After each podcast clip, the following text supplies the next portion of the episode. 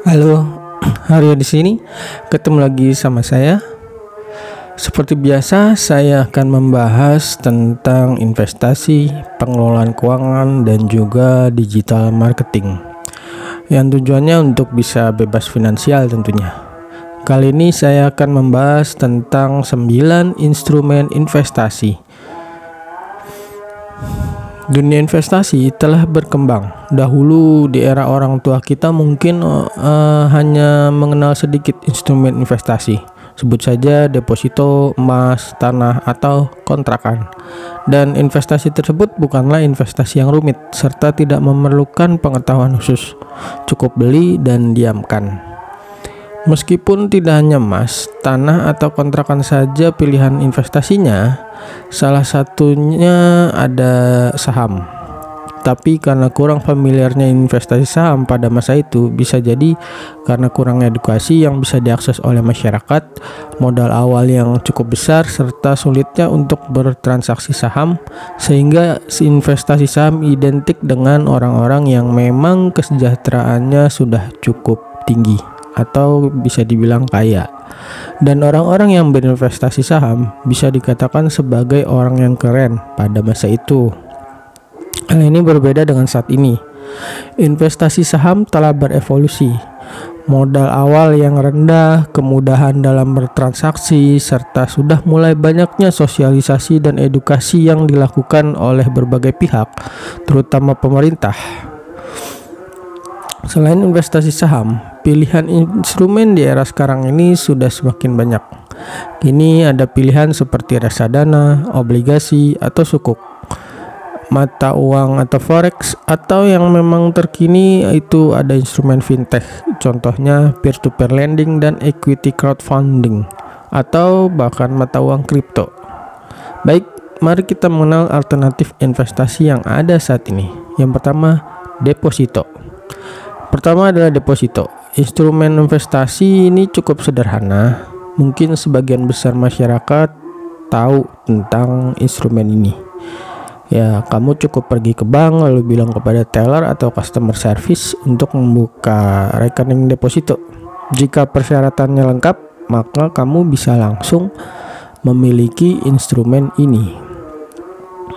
Cara kerja deposito adalah kamu menaruh uang di dalam deposito untuk jangka waktu tertentu. Kemudian bank akan memberikan imbalan berupa bunga. Lalu deposito tersebut bisa dicairkan setelah jatuh tempo. Yang kedua, komoditas. Komoditas yang berlaku di Indonesia salah satunya adalah emas dan uang kripto.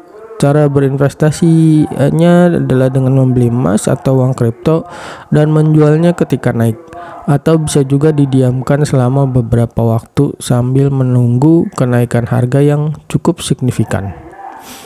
Yang ketiga, tanah.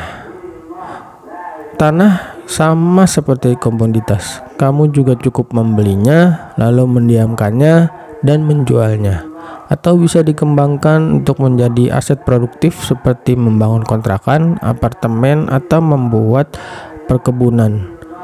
Hanya saja uh, kalau komoditas dapat dilaksanakan dengan modal yang kecil, sementara kalau tanah itu membutuhkan modal yang cukup besar.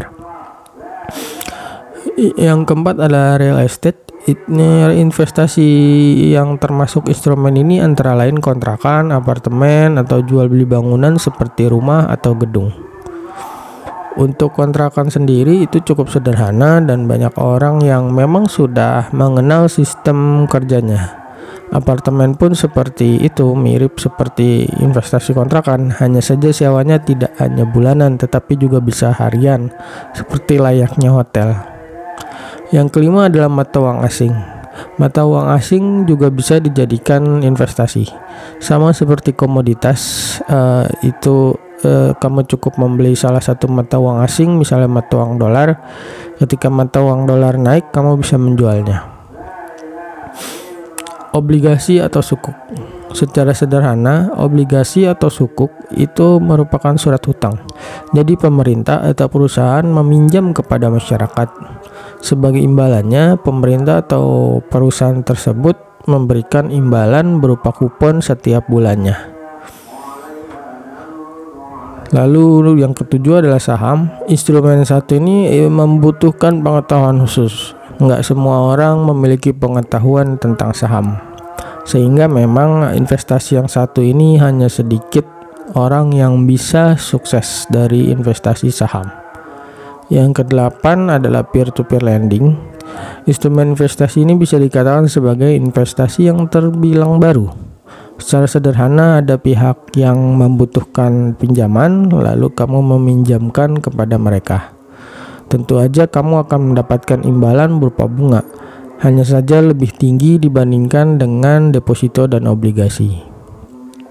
Yang kesembilan adalah equity crowdfunding. Instrumen ini juga merupakan instrumen investasi baru. Secara sederhana, instrumen investasi ini mirip dengan investasi saham. Hanya saja jika saham adalah perusahaan-perusahaan besar, sedangkan untuk instrumen ini biasanya untuk UMKM. Baik itulah tadi investasi yang bisa kamu pilih untuk mendapatkan penghasilan tambahan atau bahkan bebas finansial. Apa pun investasi yang kamu pilih, selalu pelajari peluang dan resikonya, serta karakter dari investasi tersebut. Uh, lalu ketika sudah memilih suatu investasi, biasakan jangan langsung memaksimalkan dana tersebut. Lakukan tes terlebih dahulu dan juga jangan lupa untuk selalu mengevaluasi komposisi serta strategi investasi yang kita lakukan. Itulah tadi 9 instrumen investasi dan mana nih investasi yang kamu pilih. Sampai di sini dulu konten ini, sampai jumpa di konten berikutnya. Dah.